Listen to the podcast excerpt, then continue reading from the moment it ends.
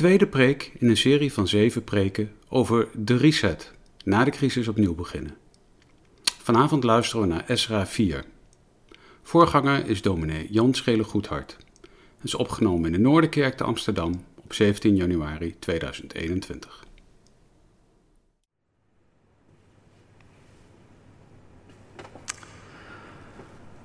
We gaan verder met de serie over de boeken Ezra en Nehemia. Aan de hand ook van het thema de reset. En vanavond lezen we Ezra 4. Ezra 4 lezen we en daarna zingen we uit Psalm 102, het zesde vers. Psalm 102, vers 6, nadat Ezra 4 gelezen is. Even als eh, setting. Ehm, er zijn Joden uit Babel teruggekeerd naar Israël en die zijn daar begonnen met de herbouw van de tempel.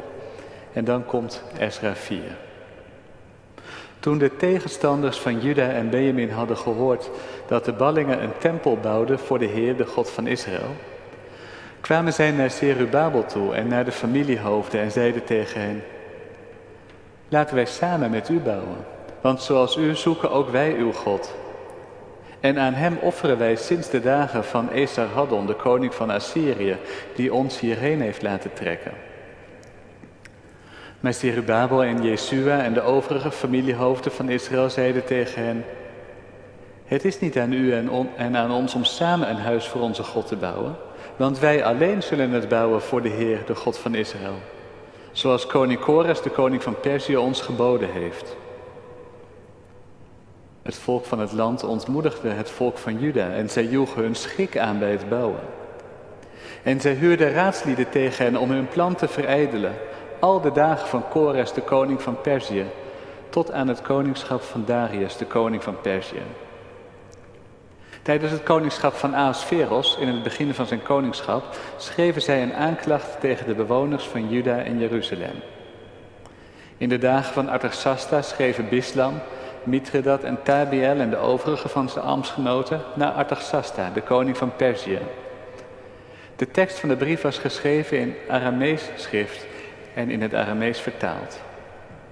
Rehum, de kanselier, en Simsai, de secretaris, schreven een brief tegen Jeruzalem aan koning Artaxasta als volgt. Kanselier Rehum, secretaris Simsai en hun overige ambtsgenoten, Dinaïten, Afarsaïten, Tarpelieten, Afarsieten, Argavieten, Babyloniërs en Susanieten die Elamieten zijn. En de overige volken die de grote en vermaarde Asnapar in ballingschap heeft gevoerd en heeft doen wonen in de stad van Samaria en de rest van het gebied aan deze zijde van de Eufraat en op dit tijdstip. Dit is een afschrift van de brief die zij aan hem, aan koning Artaxasta, zonden. Van uw dienaren de mannen aan deze zijde van de Eufraat en op dit tijdstip. Laat het de koning bekend zijn dat de Joden die van u zijn weggetrokken bij ons in Jeruzalem zijn gekomen en die opstandige en slechte stad weer aan het opbouwen zijn. Zij voltooien de muren en herstellen de fundamenten. Laat het de koning nu bekend zijn dat wanneer deze stad herbouwd is en zijn muren voltooid zijn, men geen belasting, heffingen of tol meer zal opbrengen. En dit zal zeker nadelig zijn voor de inkomsten van de koningen. Wel nu, omdat het zout van het paleis ons zout is en het ons niet past om leidelijk toe te zien bij de schande van de koning, daarom hebben wij dit bericht gezonden om het de koning te laten weten, zodat men het kan opzoeken in het boek met de kronieken van uw vaderen. Dan zult u het vinden in het boek met de kronieken en te weten komen dat deze stad een opstandige stad is, die nadelig geweest is voor koningen en gewesten. En dat er van oudsher oproer in ontketend werd. Daarom is deze stad verwoest. Wij geven de koning te kennen dat als deze stad zal worden herbouwd en zijn muren voltooid, u daardoor geen deel meer zult hebben aan deze zijde van de Eufraat. De koning zond dit antwoord aan Rehum de kanselier, Simsai de secretaris en de overige van hun ambtsgenoten die in Samaria woonden en in de rest van het gebied aan deze zijde van de Eufraat. Vrede, zei u, en op dit tijdstip. De brief die u ons gestuurd hebt, is duidelijk aan mij voorgelezen. Er is een bevel door mij uitgevaardigd. Men heeft het onderzocht en gevonden dat deze stad zich van oudsher tegen koningen heeft verzet. En dat er in haar opstand en oproer is ontketend. Er zijn zelfs machtige koningen in Jeruzalem geweest, die overal aan de overzijde van de Eufraat geheerst hebben en die weer belasting, accijns en tol is betaald. Welnu, geef bevel deze mannen op te laten houden, zodat die stad niet herbouwd wordt, totdat door mij daartoe het bevel wordt gegeven. Hoed u ervoor om hierin een nalatigheid te bestaan, te begaan. Waarom zou de schade toenemen ten nadele van de koningen? Zodra het afschrift van de brief was van koning Artaxasta voorgelezen was voor Rehum, Simsai de secretaris en hun ambtsgenoten, vertrokken ze haastig naar Jeruzalem, naar de Joden, en lieten hem met kracht en geweld ophouden.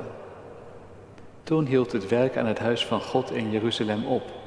Ja, het hield op tot het tweede regeringsjaar van Darius, de koning van Perzië. Amen. Dit is het woord van God.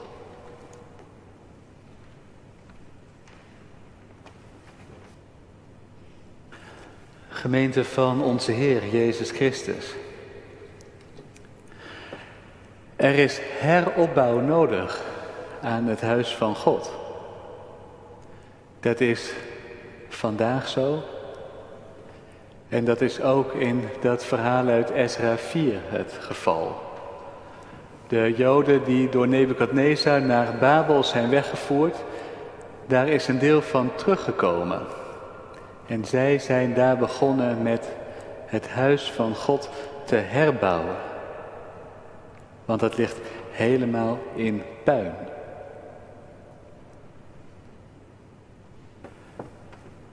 Wij zitten in een situatie dat we nog niet zo ver zijn. We zitten hier met een heel erg klein groepje in de kerk. We hoorden net aan het begin dat zingen ook bijna niet meer mogelijk is in de kerk. En je hoort heel veel mensen zich afvragen, hoe zal dat straks zijn? Als alles weer mag en als het weer open is. Dan is er wel wat herbouw nodig. Er wordt wel gespeculeerd dat er misschien wel een derde is van de mensen die hier ooit zaten, die nooit weer terug zal komen. En dat is best spannend. Hoe zal dat gaan als straks alles weer mogelijk is? Zal dan ons gemeenteleven weer opgebouwd kunnen worden? En dat is ook de vraag waar ze in Esra 4 voor staan. Zal het weer wat worden? Lukt het ons om dit weer op te bouwen, dat wat zo'n puinhoop was? Dat is de situatie waar zij en wij in zitten. En dan hoor je in dit hoofdstuk van tegenstand.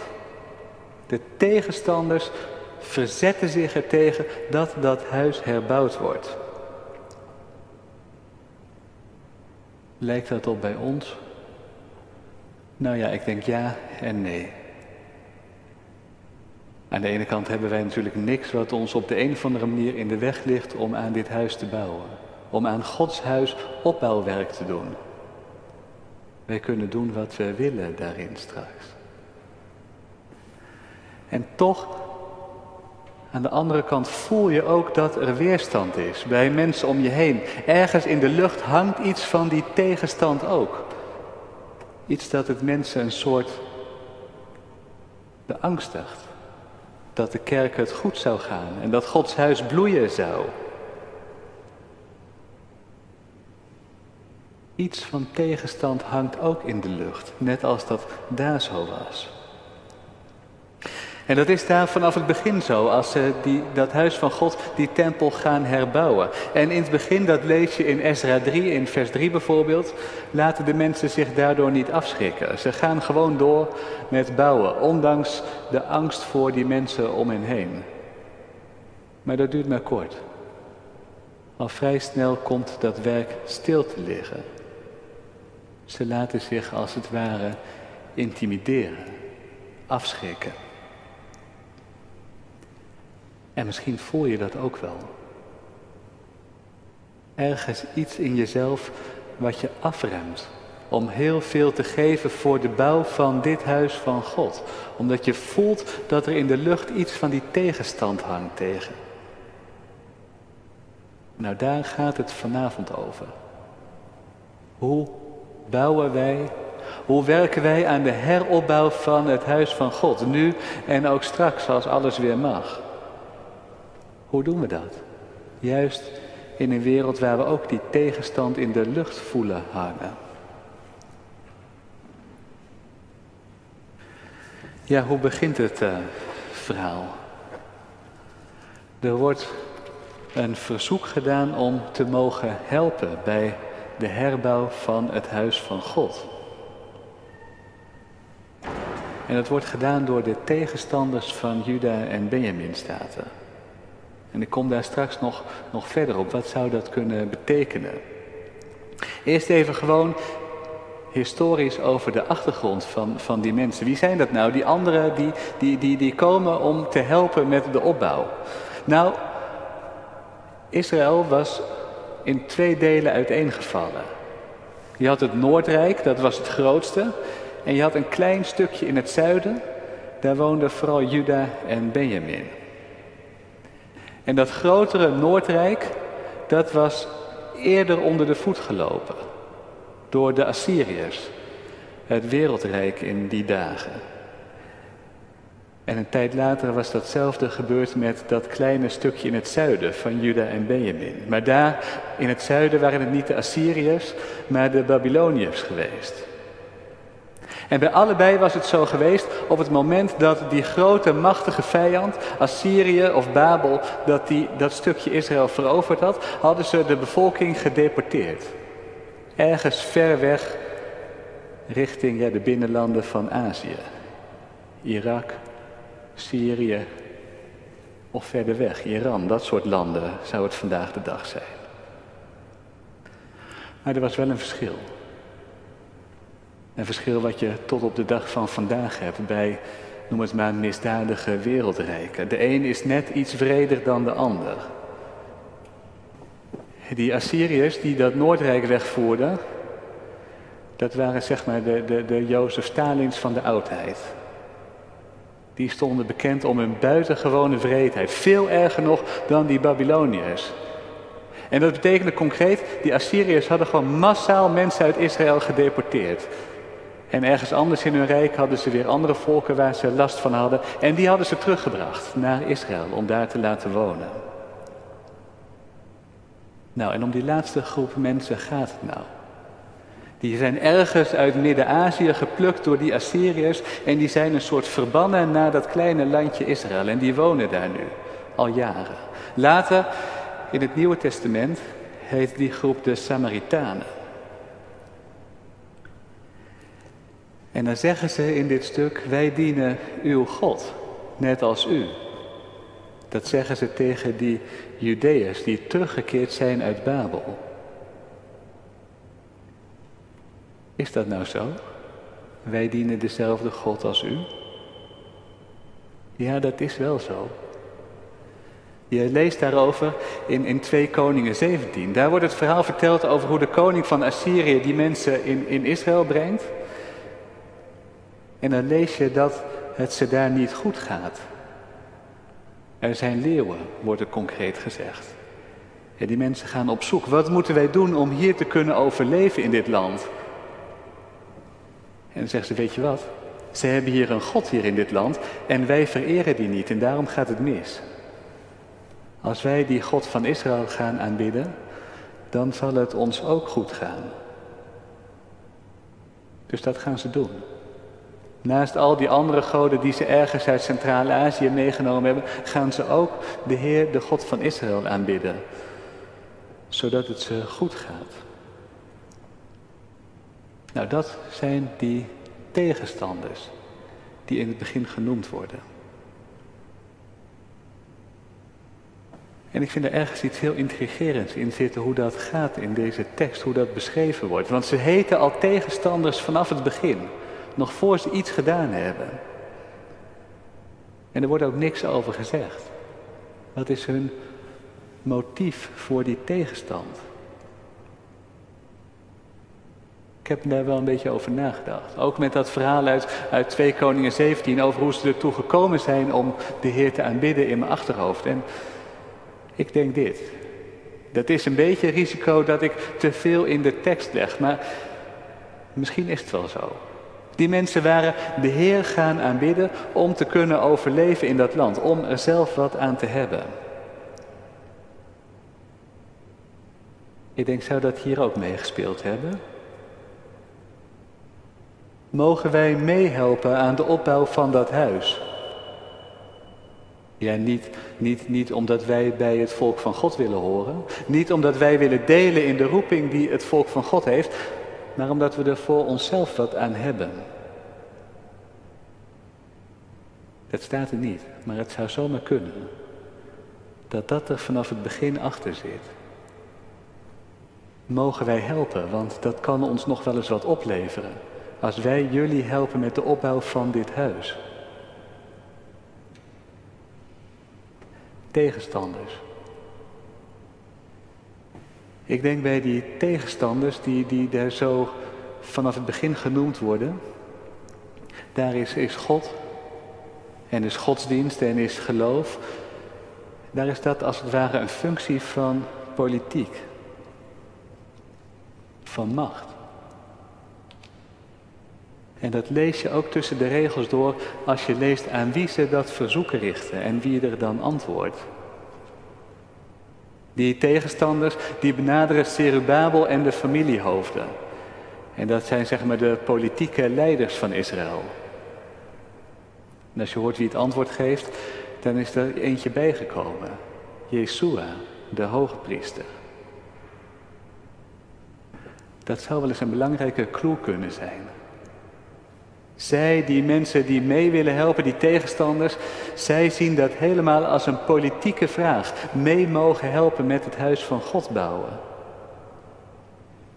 God, die moet onze macht, onze politieke idealen dienen. U heeft dat allemaal gezien, anderhalve week geleden. Hoe de rellen waren in Washington. En hoe de borden met Make America Great Again naast de borden met Jesus Saves hingen. Dat dus. Dat God en geloof, dat dat een functie wordt van politieke idealen. En daarvoor hoeven we echt niet alleen maar naar Amerika te kijken. Er zijn er genoeg hier in Nederland ook die een directe lijn leggen tussen de Nederlandse cultuur en de joods-christelijke traditie. En die maar wat graag zouden willen meehelpen aan de bouw van het huis van God, ja, maar wel met politieke motieven. Om er zelf beter van te worden. Ik denk dat zijn die tegenstanders. Diegenen die willen helpen, niet omdat zij bij het volk van God willen horen, maar omdat je er zelf wat aan zou kunnen hebben. Tegenstand.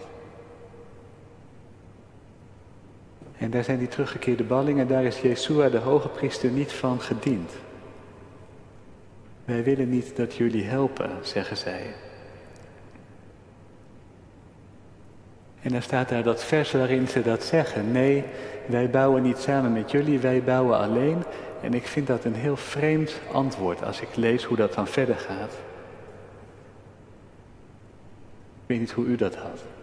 Dat intrigeert mij dat ze zo reageren. En ik denk vanaf het begin dat ik dit lees, ik denk, oh mensen, dit is toch niet het goede antwoord. Wij bouwen alleen, want zo moet dat van Kores de koning. Ja, je hoort in het verhaal hoe dat verder gaat. Zo moet dat van, koning, van de koning, zeggen ze. En vervolgens komt er een briefwisseling met die koning op gang. En ja, dan ligt aan het eind de bouw stil. Ik weet niet hoe u dat heeft. Maar ik heb, als ik dat antwoord lees, het gevoel, oh jullie zijn precies in de val getrapt. Die politieke val. Dit moet van de koning. Dat is zoiets als wij hebben dit recht. Dit is onze maatschappelijke positie. Nou eenmaal de koning heeft gezegd dat wij dit mogen en nu moet je van onze rechten afblijven. Zoiets, zoiets hoor ik daarin. Ik denk dat is niet de grond. Denk ik, dat is niet het goede antwoord. En volgens mij hoor je dat in, in, in, dit hoofdstuk ook. Daar komt die brief aan de koning van Perzië. En ik moet zeggen, die brief is, als je dat zo hoort, en waarschijnlijk helemaal als je dat zo één keer hoort zonder het, het mee te lezen, die brief is vrij ingewikkeld om die te volgen, wat daar nou precies gezegd wordt. Heel kort, die mensen daaromheen die mee willen helpen en dat niet mogen, die schrijven aan de, aan de koning van, weet u wel, dat deze stad vroeger, voor ze verwoest werd, altijd opstandig was. En altijd uit was op macht. En altijd uit was om er zelf beter van te worden. En koning, als u het laat gebeuren dat die stad weer opgebouwd wordt, dan bent u weer in de aap gelogeerd. Want dan gaan ze gewoon precies hetzelfde verder daar. Dat schrijven die tegenstanders. Ja, kan je zeggen dat is lastig, smaad, oneerlijk. Zo was het toch helemaal niet? Helaas. Als je terugleest in de geschiedenis van Israël, dan was het inderdaad helaas maar al te vaak ook zo. In die brief die ze schrijven, die lasterbrief zou je kunnen zeggen, in die brief staat alles wat de profeten van Israël ook altijd veroordeeld hebben. En wat ze toch deden in Jeruzalem. Belust zijn op hun eigen macht en een groot leger aanleggen om eigen baas te kunnen zijn in de regio. Bezig zijn met belasting en tollen en accijns heffen om er zelf rijker van te worden. In opstand komen. Bezig zijn met allerlei verbondjes, met Egypte en zo hebben de profeten het altijd over, in plaats van met het verbond met Hem in de hemel. Het is maar al te waar. Helaas, zo was het.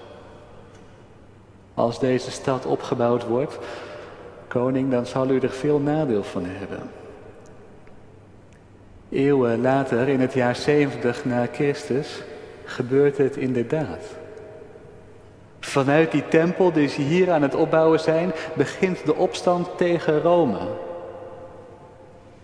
De opstand die uiteindelijk leidt tot de val van die tempel. Een lasterbrief, ja, maar helaas is het waar. Dit is de dark side van de geschiedenis van het volk van God. En die kennen wij ook. Wij als kerk hebben ook een donkere kant in onze geschiedenis zitten. En volgens mij gebeurt het bij ons precies hetzelfde. Zodra wij ons op rechten gaan beroepen, en zodra wij iets gaan doen wat, wat in de buurt van politieke macht komt, krijgen we dat direct terug. Ja, maar weet je wel, jullie vroeger als kerk, jullie hebben er ook een potje van gemaakt. Je zou wel willen hè, als kerk dat je weer macht had. Maar dat willen wij niet als tegenstanders. Want dan zijn we weer terug bij waar we toen waren. Weet je wel wat jullie met die macht gedaan hebben? Lastig? Helaas is het veel te vaak terecht hebben wij ook als kerk, ook als gelovigen, onze macht en onze invloed misbruikt. Tegenstand. Mensen die niet willen dat het huis herbouwd wordt. Gods huis daar en Gods huis vandaag de dag. En mensen waarvan je, als je eerlijk bent, je het ook nog wel voor kan stellen dat ze het niet willen. Alsjeblieft zeg, daar willen we niet naar terug.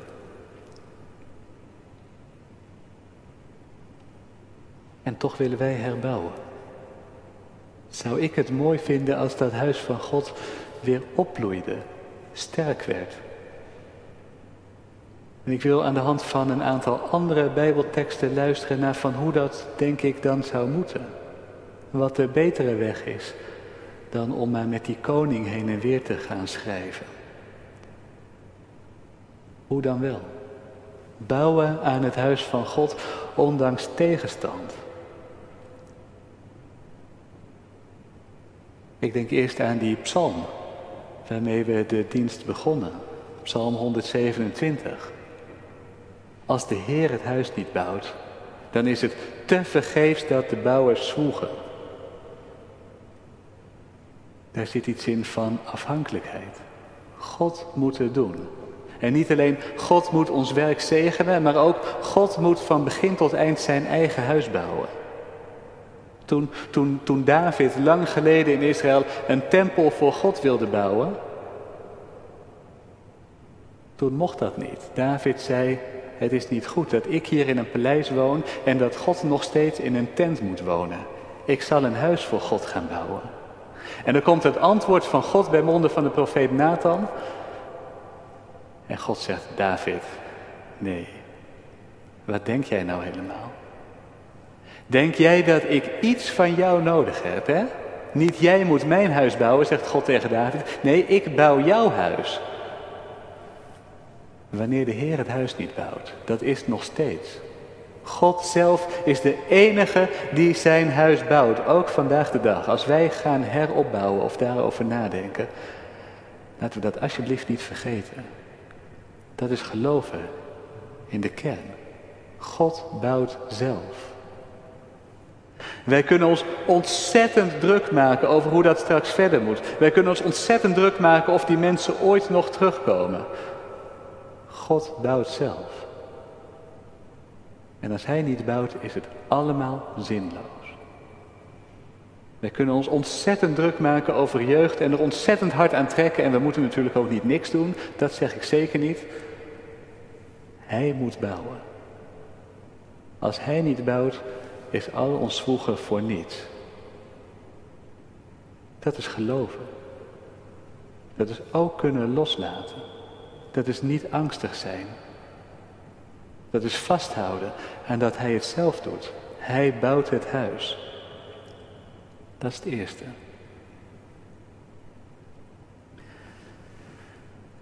Tweede tekst in Handelingen 17 zegt Paulus tegen de mensen in Athene. Hij woont niet in tempels met handen gemaakt. En dat is niet iets wat nieuw is. Dat wisten ze in het Oude Testament ook al. Als Salomo de eerste tempel bouwt in Jeruzalem. En hij bidt bij de opening van die tempel, dat staat in 1 Koningen 8. Als Salomo dan bidt, dan begint hij met bidden met te zeggen, Heer, u bent zo groot. Het hele universum kan u niet bevatten. En wat denk ik dan wel van dit huis dat ik gebouwd heb? Hij woont niet in tempels met handen gemaakt. Wij kunnen bouwen wat we willen, ook voor deze gemeente, ook voor Gods kerk. Maar Hij woont niet in dat wat wij maken. Daar is Hij veel te groot voor. Hij, de schepper, Hij is groter dan dat het universum om Hem zou kunnen bevatten. Wij kunnen misschien iets doen dat naar Hem verwijst.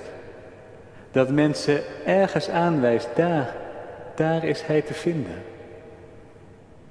Maar iets maken waar Hij kan wonen, dat is veel te groot voor ons. Laten we onszelf niet overschatten als we het over herbouwen van Gods huis hebben. Dat is het tweede. Derde tekst. In Johannes 2. Daar gaat het over Jezus. Die tegen de mensen van zijn tijd zegt, ik zal deze tempel afbreken en in drie dagen weer opbouwen. En dan zegt de evangelist Johannes, maar hij sprak over de tempel van zijn lichaam.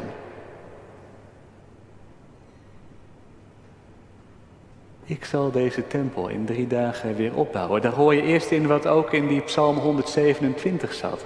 Hij bouwt. Hij alleen. En er zit daar in Johannes 2 nog wat anders in. Hij sprak over de tempel van zijn lichaam. Het echte huis van God waar God woont, dat is in Jezus. Niet in tempels met handen gemaakt, maar in Jezus. Dat is waar hij op aarde aanwezig was. Dat is wat je steeds hoort door het Nieuwe Testament heen. Dat alles wat eerder van de tempel verwacht werd, dat dat nu in Jezus te vinden is. Geldt ook vandaag. Als wij het over herbouwen hebben, de tempel is al herbouwd. In drie dagen. Op paasmorgen. Toen stond hij. Toen stond hij. Zodat hij nooit meer vallen zal. Op paasmorgen stond hij de tempel. Onze tempel. En als je zoals vroeger vergeving zocht en je ging naar de tempel, dan ga je daar nu voor naar Jezus. En als je zoals vroeger zocht te bidden tot God en je ging naar de tempel, dan ga je daar nu voor naar Jezus. Hij is onze tempel. En hij is al gebouwd. Op paasmorgen stond hij weer, nadat hij tot de grond toe afgebroken was. Ja, en wij dan? Petrus, die schrijft in 1 Petrus 2, laat u opbouwen tot een geestelijke tempel. Volgens mij is dat waar wij het beste kunnen beginnen als we het over heropbouwen hebben, bij onszelf laten opbouwen. Geestelijk. Als het gaat over herbouwen en hoe zal dat verder gaan en zal het ooit weer wat worden, laten we maar bij onszelf beginnen. Wat leeft er in ons hart? Daar is ook een hoop te herbouwen. Of misschien wel voor het eerst te bouwen. Er is ook een hoop wat maar gewoon in puin ligt. En waar weinig moois aan is. Als wij willen herbouwen, laten we dan naar die woorden van Petrus luisteren. Laat u uzelf herbouwen als levende stenen tot een geestelijke tempel. Herbouwen begint bij onszelf. Dat begint niet bij organisaties en structuren of wat we maar aan plannen kunnen verzinnen. Dat begint in ons hart. Laat u bouwen als levende stenen. Die lijn zit overigens juist ook in die boeken Ezra en Nehemia de lijn van het geloof, dat het echte nieuwe begin moet komen van een echt nieuw leven met God. En dat is waar. Alleen daar kunnen we beginnen te bouwen. Laat u opbouwen tot een geestelijke tempel, schrijft Petrus. En dan schrijft hij nog iets. Tot een koninklijk priesterschap.